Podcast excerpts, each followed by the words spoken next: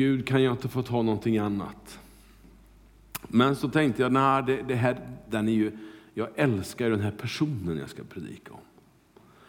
Jag tycker så mycket om att få förkunna om honom. Jag hörde om honom första gången när jag inte var mer än 11-12 år och var på ett läger. Jag vet inte om ni vet vem pastor Lennart Nilsson eh, var. Han dog här i våras, över 90 år. Han höll ett bibelstudium för mig när jag var i den där åldern. Och jag kommer fortfarande ihåg delar av hans förkunnelse. För det har levt i mitt liv när han talar om Daniel. Och när jag då möter söndagsskolan, wow, Herre, har du en tanke? Hur stor är chansen att vi ska välja samma, samma bibelpersonlighet samma söndag av slump? När det finns så många att välja på. Äh, jag tror på Gud och hans ledning. Så jag tror att jag har ett budskap idag. Jag har en fundering som håller att förmedla. Framtidens utmaning och så går du till gamla testamentet och har du fått snurren? Nej, jag har inte det. Därför att när jag läser om Daniel, det är inte så många kapitel, det är 11-12 kapitel, varav de sex första är de vi läser mest. Och det är helt okej, okay. där kommer jag hålla mig också. Du kanske får lite återupplevelser av din gamla söndagsskola eller barnmöten. Det är helt okej okay det också. Men du vet de här gamla testamentliga människorna, de var människa precis som du och jag. De hade problem som liknar våra problem. De hade inte samma möjligheter och, och samma utmaningar i allt. Nej, det hade de inte. Men de var människor. De var utsatta för omgivningens nycker och omgivningens påverkan, precis som vi är. Och Daniel han är nog i alla fall, även om man kan säga mycket om det gamla testamentets profeter, varav Mose är den störste. Åtminstone nu frågar en, en jude. Mose är den störste profeten. Så kanske Daniel är en av de märkligaste i alla fall.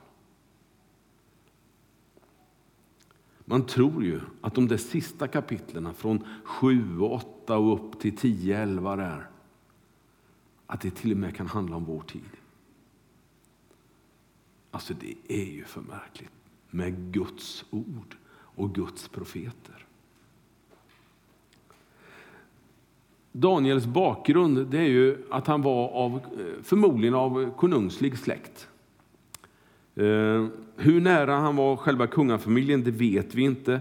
Men någonstans där runt omkring aristokratin i Israel på den tiden fanns Daniel, Hananja, Misael och Asarja.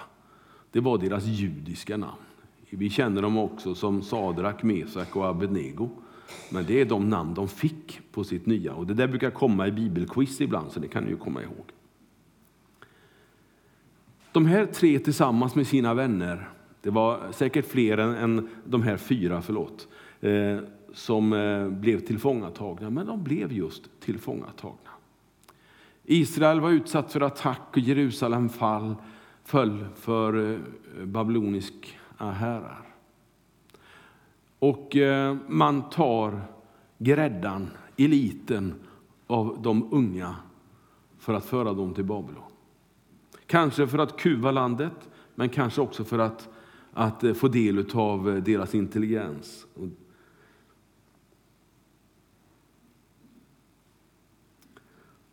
Det innebar att de här människorna, unga, de var väldigt unga.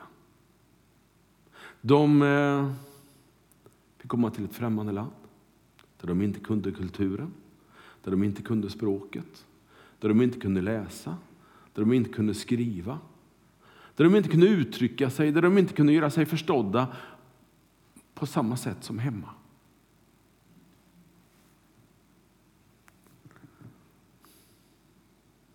Allt de fick med sig var sin vänskap, sin tro på himmelens Gud och sitt intellekt. Allt annat var förmodligen försvunnet i krigets fasor. Kom sen och säg att Gamla testamentet bara är för gamla tider. Jag tycker jag hör de berättelserna fortfarande. Jag tänker landa i tre kapitel idag. Och jag tänker inte läsa alla de här tre kapitlen, men jag tänker ändå försöka att, och fastna i tre kapitel. Man skulle kunna ta kapitel för kapitel, det är tillräckligt intressant. Men låt mig ändå få, få fokusera på de här tre kapitlen. Kapitel 1, 3 och 6. Bara för att göra det enklare så hoppar man ju lika mycket. Och jag tänker ta en vers, eller två verser i varje kapitel.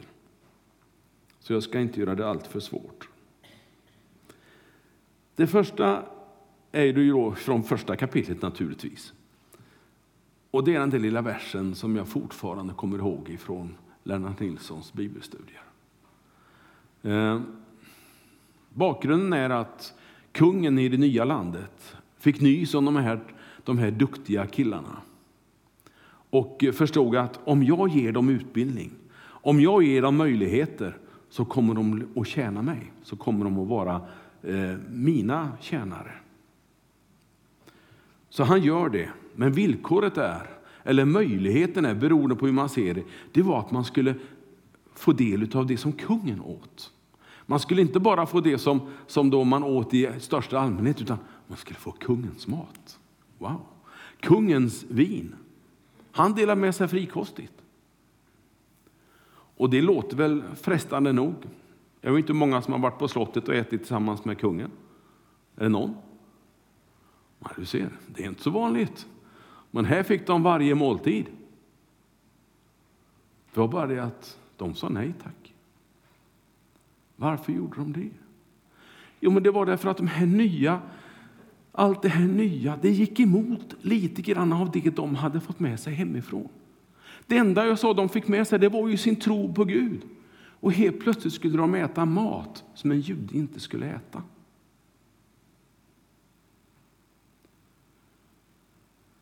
Och då tackade de nej. Så vi vill bara ha grönsaker, sa de. Kan vi få vatten och dricka så är vi glada. Ja, men ni är inte kloka, ni kommer att bli som, som eh, benrangar allihop. Och jag, sa han som hade hand om det där, jag kommer att bli straffad av kungen för att jag missköter er. Han tror att jag är snål och tar hand om alltihopa själv. Ingen fara, sa Daniel. Ge mig tio dagar, skulle vi se skillnaden. Oops. Det var inte lätt. Men det märkliga är ju att efter de där tio dagarna så får Daniel rätt. Den här lilla versen, får jag läsa den för er? Den kommer på, på bild bakom mig här också, kapitel 1 och vers 8. Men Daniel bestämde sig i sitt hjärta för att inte orena sig med kungens mat eller med vinet som han drack. Och han bad förste hovmarskalken att han inte skulle behöva orena sig. De hade problem med maten, de hade problem med kulturen. De ville inte anamma det nya fullt ut. Och jag har funderat en del på det där med kulturen. Vi har ju inte matregler i pingströrelsen vad jag vet. Eh, det får du äta och det får du inte äta. Eh, I samhället finns det ju naturligtvis till viss del. Eh, när jag växte upp, pizza, det fanns ju inte. Nej, det var ingen som visste om man skulle äta det. Pappa han var glad om man fick sina potäter när vi kom med ris och pasta så nja, finns det inte potatis, sa han då. Alltså det, det, och det fick vi ta. Han, han var sån tills han gick hem till himlen. Han provade väl på lite ris ibland, men, ah, men en god potäta, vet du, det var grejer det. Då, då var han nöjd, gubben. Men kanske kulturen är ett framtida problem för oss och ett nutida. Och då tänker jag på den kultur som finns i samhället ibland. På ett sätt så vill jag vara öppen mot samhället. Jag vill vara i samhället. Jag vill vara en del av samhället. Men jag vill inte alltid att samhället ska vara en del i mitt hjärta. Jag vill inte alltid anamma det som samhället säger är bra. För jag kan se att det ibland inte riktigt stämmer med bibelordet. Och här tror jag att vi kommer att få problem. Det har man alltid fått. Jag menar, det hade Petrus och, och pojkarna runt omkring Jesus, tjejerna, kvinnorna och männen i de första församlingarna. De var ganska envetna. De höll på sin tro. Det gick så långt så att kejsaren slängde in dem bland lejon och vilddjur på en arena. Använde dem som facklor. Korsfäste dem längs vägarna. De hade visst problem med kulturen. Det var inte så enkelt att vara kristen. De älskade att tala om Jesus, men det fick konsekvenser när man började hålla på det som man upplevde vara riktigt. Och jag tror att vi kan få problem med det framöver. Det kan vara på olika områden. Det kan vara på ekonomins område. Jag tror det. Att eh, kommunen säger, eller andra bidragsgivare säger, om inte ni gör som vi vill så får ni inga pengar. Okej, okay. vad gör vi då? Om inte ni gör som vi säger så får ni inga bidrag. Vad händer då? Om inte ni hbtq-certifierar och vad det nu kan heta och hur det nu kan uttryckas och gör som vi vill så kommer vi dra in på det och det. Ni får inga tillstånd, ni får inte det som ni är vana vid. Jag tror att vi kommer att få problem med kulturen framöver.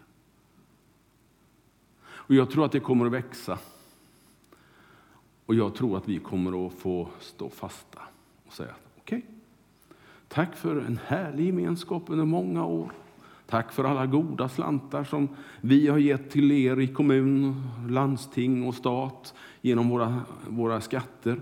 Eh, tack för att vi inte får tillbaka dem. De går säkert till något bra i övrigt. Eh, men vi viker oss inte på det och det och det. Jag tänker inte exemplifiera jättetydligt vad det är. För det är ju liksom att vara profet i onödan, tycker jag. Men jag anar.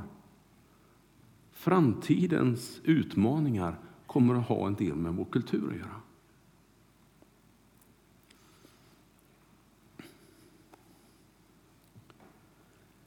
Jag skulle vilja gå vidare till kapitel 3. Där vi läser i vers 17 och 18, tror jag det är.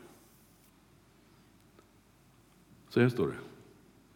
Om det blir så är vår Gud som vi dyrkar mäktig att rädda oss ur den brinnande ugnen och ur din hand, o konung. Men om inte, ja, men då ska du veta, o konung, att vi ändå inte dyrkar dina gudar och ändå inte tillber gudastatyn som du har ställt upp. Här kommer det. Hur hanterar man motgångar? Var en hyfsad motgång. De blev beordrade. De här tre som jag nämnde, Hananja, Misel och Hasarja.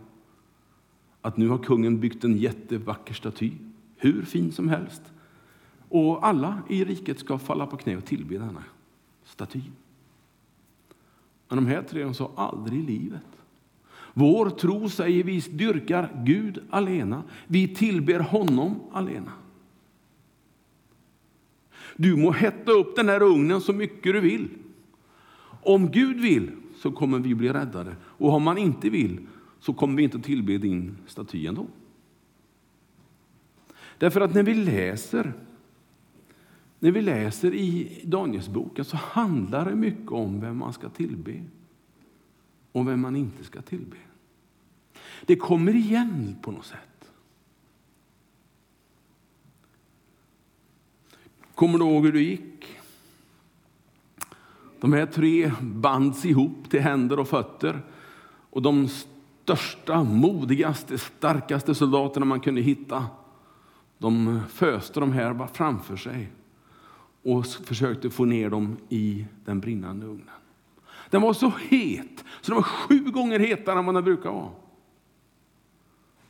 Några av dem fick plikta med livet för att de ens försökte att komma nära nog att knuffa ner dem i ugnen eller knuffa in dem i ugnen. Så står det i texten. Kungen kunde räkna, förstår vi av texten. Därför att på något sätt så såg man in i ugnen vad som hände. Och han blir förvånad över en sak, men inte över en annan sak som jag blir lite förvånad över. Han blir förvånad över att de helt plötsligt är fyra. Men han blir inte förvånad över att de går omkring. De är ju bundna till händer och fötter. Men de gick omkring, och det nämner han inte överhuvudtaget. Men kolla, det är ju fyra, ser ni inte? Det var väl tre, eller ramlade i en extra? Nej, det var tre. Varför är de fyra? Och han blir alldeles förskräckt, kungen. Snälla, kom ut ur ugnen. Alltså bara säga det när man har eldat upp den sju gånger värre än någon annan gång. Och så talar man om till de som står där inne, kom ut. Det måste ha varit märkligt.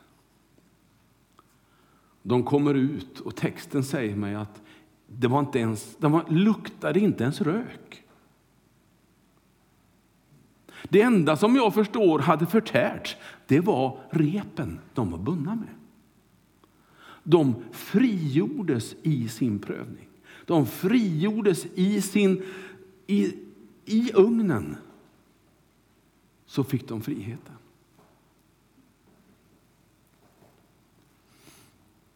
Vem var den fjärde? Ja, en del skulle nog omedelbart säga en ängel. Ja, varför inte? Ja, andra skulle säga, men hörde du inte, läste du inte vad det stod i texten? När kungen, det är som en gudason går omkring med dem där inne, den fjärde personen. Det är vad han säger i texten. Hur många gudasöner känner vi? Ja, jag känner en. Tänk om Jesus var med dem i ugnen. Vilken vacker bild det är. Du, när du har som värst, när du har som tuffast, och om det är ugnshet värme eller om det är arktisk kyla, det spelar ingen roll. Det kan nog vara lika illa. Men när det är som värst i livet, när vännerna sviker,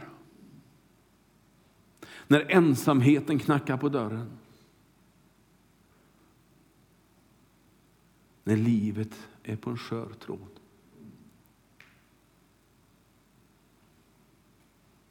Då finns han där. Då är Jesus med dig. Jag är inte säker på att alla tillfällen när människor av trons skäl blir inkastade i en brinnande ugn, att det går som med Hanania, Misel och Asarja. Själv så var de helt övertygade om att det här kan bli, det kan bli aska. Men aldrig att vi tillber den där statyn. Det får gå hur det vill.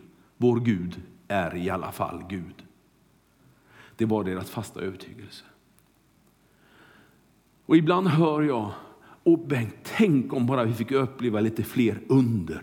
Då skulle allting lösa sig. Jag är inte alls så säker på det.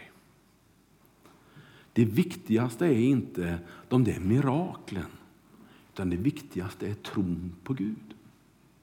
Det viktigaste är att jag kan hålla fast vid det jag har.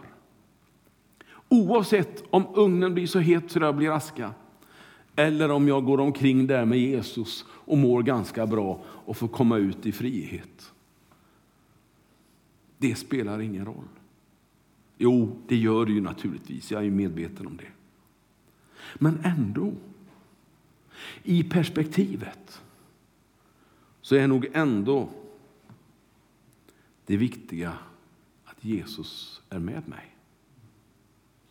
Och han har sagt, jag är med dig alla dagar intill tidens ände. Han har sagt oss, jag är med er i Salemförsamlingen i Tibro i hundra år. sen får det vara. Nej. Jag har sagt er, jag är med er alla dagar intill tidens ände. Om de så kommer med schaktmaskiner utanför, om de ställer upp med demonstrationståg, om de eh, stryper elen, stänger av vattnet, pluggar igen avlopp, vad de nu må hitta på. Jag tror att i Guds gemenskap, i Jesu gemenskap, så finns det ändå, precis som vi hörde igår i förkunnelsen igår kväll, det finns en seger. Det finns en, en slutlig seger som överskyler allt andra med råge. Nu ska jag inte upprepa den predikan, den var så bra så den skulle jag unna er att få lyssna på faktiskt. Låt mig istället få gå vidare innan tiden rinner ifrån mig. Till kapitel 6. Och det är väl det som är uppe i barnriket, kanske lite speciellt, jag vet inte. Det kan vara så i alla fall. De hade ju med sig ett lejon, eller hur? Och nu kapitel 6, det är just lejongropen. Kanske den som är mest berättad av de här berättelserna i Danielsboken.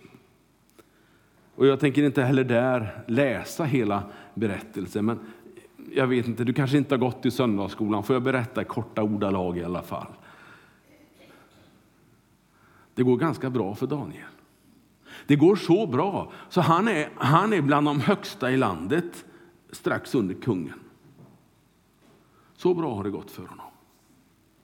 Han, eh, han sköter sitt jobb riktigt bra. Han får förtroenden. Han kan räkna, han kan hålla ordning, han förnyar, han, han fixar så att alla mår riktigt gott. Så gott så att de i hans omgivning som inte kommer ifrån Jerusalem, som inte kommer ifrån landet som man intog och skövlade, de blir avundsjuka och tänker, ska den där uppkomlingen nykomlingen. Ska det gå bra för honom? Nej, det tål vi inte. Vi får hitta på, vi får gräva. Och man anställer den mest grävande journalisten man kan hitta hela Babylon. Så han gräver i veckor. Hittar inget fel på karln. Allt han gör stämmer. Han ljuger inte, han bedrar inte. Han är precis tvärs emot vad deras inre själva vittnar om. Han är så rättfärdig inför Gud och människor så de blev väldigt avundsjuka och bestämmer sig för vi måste knäppa den här gubben. Daniel får inte ta över. Och så hittar man på en ny lag. En lag som säger att under 30 dagar får du inte... Känner du igen? Ifrån Daniels tidigare bok. I 30 dagar får du inte be till någon annan än kungen själv. Och så går man in till kungen och kungen blir ju lite, ja, ja det var ju snällt pojkar, vilken fin lag. Det är klart att, jo men det blir väl bra om de tillber mig, om de ärar mig. Ja, det är jag ju kung. Så det är klart att det, han följer för det där. Och stiftar den här lagen. Och när man stiftade lagar på den tiden så eh, det gick inte att ta tillbaka det där. Det kallas för Mediens och Persiens lag. Den var liksom stadfäst och den gällde. Så visste man hur det var. Vad var det Daniel brukade göra? Jo, varje dag så gick han hem till sin bostad och öppnade sitt fönster som vette mot Jerusalem. Så böjde han sina knän och så tillbad han Gud. Morgon, middag och kväll kan jag ana. Det var tre gånger om dagen i alla fall. Det var bara det utanför fönstret. Kanske på ett tak i närheten, kanske med några stora kikare och kameror, jag har ingen aning. Det kanske de inte hade så mycket av. Men de stod och kollade. Jojomensan, han gör samma sak som han alltid har gjort. Nu har vi honom. Och in till, in till kungen. Du, sa inte du? Jo, jag sa och jag bestämde. Bra, han är där. Det är han. Han tillber en annan Gud. Nej, jag är blåst. Det var kungens reaktion. Han gjorde allt han kunde under en hel dag för att Daniel skulle slippa. Det gick inte. Han eh, slängde ner Daniel, stängde in honom bland ett antal lejon som säkert var både hungriga och utsvultna. Han ställde en stor sten framför med många sigill. Ingen skulle kunna ta sig in och befria eller täppa till lejonens gap. Han sov inte någonting den natten. Så kommer han ut. Tvärs emot vad han tror så ropar han till den som han tror är död. Daniel, har Gud bevarat dig? Ja, säger Daniel. Gud har sänt änglar och hållit igen gapen. Det är så vackra berättelser. Jag älskar de här berättelserna. Men vad jag ser som följer med i de här tre berättelserna, det är ju att det handlar om bön. Precis som Lena sa de skulle ta med barnen. Det handlar om bön. Det är där frestelsen ligger. Att bönen blir framtidens problem. Om Guds församling slutar att be. Om Guds församling slutar att prioritera bön. Det står inte hur det skulle gå då. Jag kan inte riktigt läsa ut det. Men det jag kan läsa ut att de här människorna som vi möter i Danielsboken, de tyckte det var så viktigt så deras liv var värt att riskeras. Bara de fick fortsätta att be. Till rätt Gud. Det var inte bara att be till vad som helst, utan det var till att be till himmelens Gud. Jordens skapare, min frälsare. När jag läser, jag har läst mycket om församlingshistoria ska du veta. Jag har läst många protokoll, många permar. Jag kommer inte ihåg allt. Nej, det är inte allt som är värt att komma ihåg heller för den delen. Men jag kommer inte ihåg allt. Men jag har läst av många bönesamlingar. Och vi har haft många bönesamlingar. Vi har bönesamlingar fortfarande. Men vet du, i våras så var det så få på bönesamlingen på söndagskvällarna. Så jag grät i mitt innersta. Men jag tänkte, hur ska detta gå? Kan vi inte som församling samlas och be en kväll i veckan? Går inte det? Okej, okay. jag stryker den. Så får jag se vad som händer. Kanske att någon reagerar och säger, vänta lite, vad är det du håller på med? Kanske att det är någon som uttrycker en besvikelse över det beslutet. Och hittills har det varit en person. Ingen annan. Och det är om möjligt en ännu större besvikelse. Men vet du, man ska inte stanna i de besvikelserna, utan vi måste gå vidare, för framtiden står på spel. Har vi några stora utmaningar framöver? Ja, det har vi så det räcker. Förutom de jag har pekat på här en liten stund, om utmaningar och funderingar och motgångar och medgångar och om tron överhuvudtaget ska överleva. Så planerar vi att bygga renovera för en massa pengar.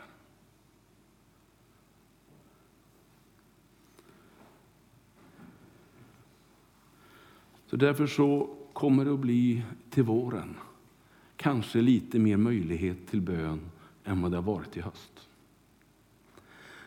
Och min önskan som den pastor och herde och föreståndare jag är, om det är någonting jag kan bestämma då skulle jag vilja att du prioriterar om ditt liv något litet. att vi börjar prioritera våra bönesamlingar, våra hemgrupper. Och att vi fick starta nya hemgrupper, för de vi har är alldeles för få tycker jag. Och att vi hittade en tid, en kväll, när vi kunde mötas som bön som församling. Jag kommer inte att fråga om det finns något församlingsbeslut på det här, för det behövs inte. Den dagen vi behöver församlingsbeslut på att vi ska ha bön, då är det dags att slå igen butiken. Något tydligare uppdrag har vi inte i, i vår bibel. Det har betts ända från Abrahams dagar och framåt, eller hur? Och det här, jag kommer att påminna om det, en del av det här till våren. Men jag skulle önska att du redan nu fick lagt det på ditt hjärta. Kanske att jag, du behöver inte gå längre än att du säger jag, kanske att jag har försummat bön i Guds församling. Och jag menar den där tillsammans. Jag förstår att du ber hemma. Det är, det är så fantastiskt att höra. Jag ber hemma, jag ber på eh, hemgruppen jag är. Men jag skulle vilja slå ett slag för den där gemensamma bönen. Och det finns så många exempel. Nu har tiden runnit iväg. Vi har passerat en halvtimme sedan jag började. Och jag har faktiskt fått sagt det jag skulle. Jag har fått ge ett exempel på inte hur det går när man inte ber, utan hur det går när man ber. Hur Gud bevarar och hur Gud är med, hur Gud gör under. Och vad jag vet så har Gud inte förändrats en bokstav sedan dess. Han har inte förändrats sedan församlingen bildades. Han har inte förändrats sedan Daniel gick på gatorna i Babylon. Han har inte förändrats sedan Abraham vandrade omkring och byggde bönaltare. Han är densamme. Hur länge då? Jo, igår. Och tack och lov idag. Men framtidens utmaning det blir att tro på Gud för framtiden. Att älska Gud så mycket i framtiden så att kanske en prioritering blir annorlunda. Älskade Herre, jag vill inte säga mer för jag tror att du talar till våra hjärtan. Herre, låt oss tillsammans inte få ännu en sten på bördan om den redan är tung. Utan Herre, låt, låt vi inspireras av Danielsboken. När han bestämde sig för att han skulle inte låta sig påverkas av det som var runt omkring. Utan han satsade på dig och tron på dig. Herre, hjälp oss att prioritera på ett sätt så att det märks att vi tar tron på allvar.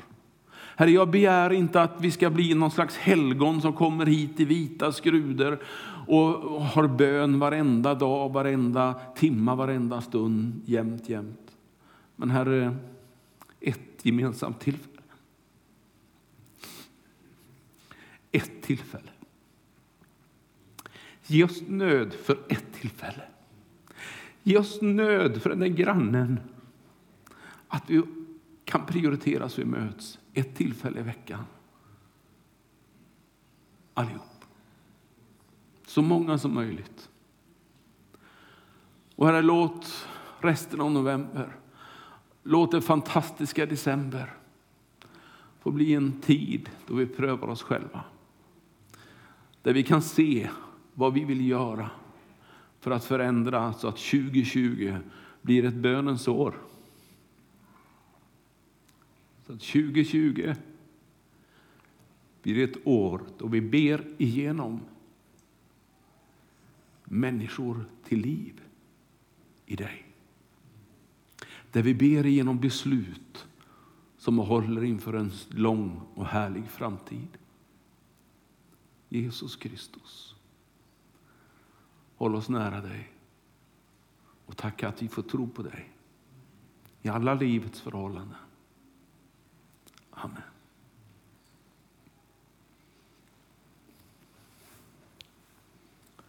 Tack kära far i Sune, har du några sånger till? Underbart, kom. Jag är ledsen om det blir mycket emotionellt i mitt hjärta. Men det här är viktigt. Därför har jag talat om det en stund. Och nu vill jag också ge möjlighet till att be den här bönen. Alltså jag, jag kommer inte att ställa frågan och, och begära att du ska komma fram här och vittna om nya beslut du tar. Nej, det vill jag att du fattar ändå. Men vill du ha hjälp så är du välkommen fram. Det är ju dina kompisar som finns här framme. De kommer att sätta sig här bara för att be tillsammans med dig. Kom nu ni som har förbundsdelen eh, idag.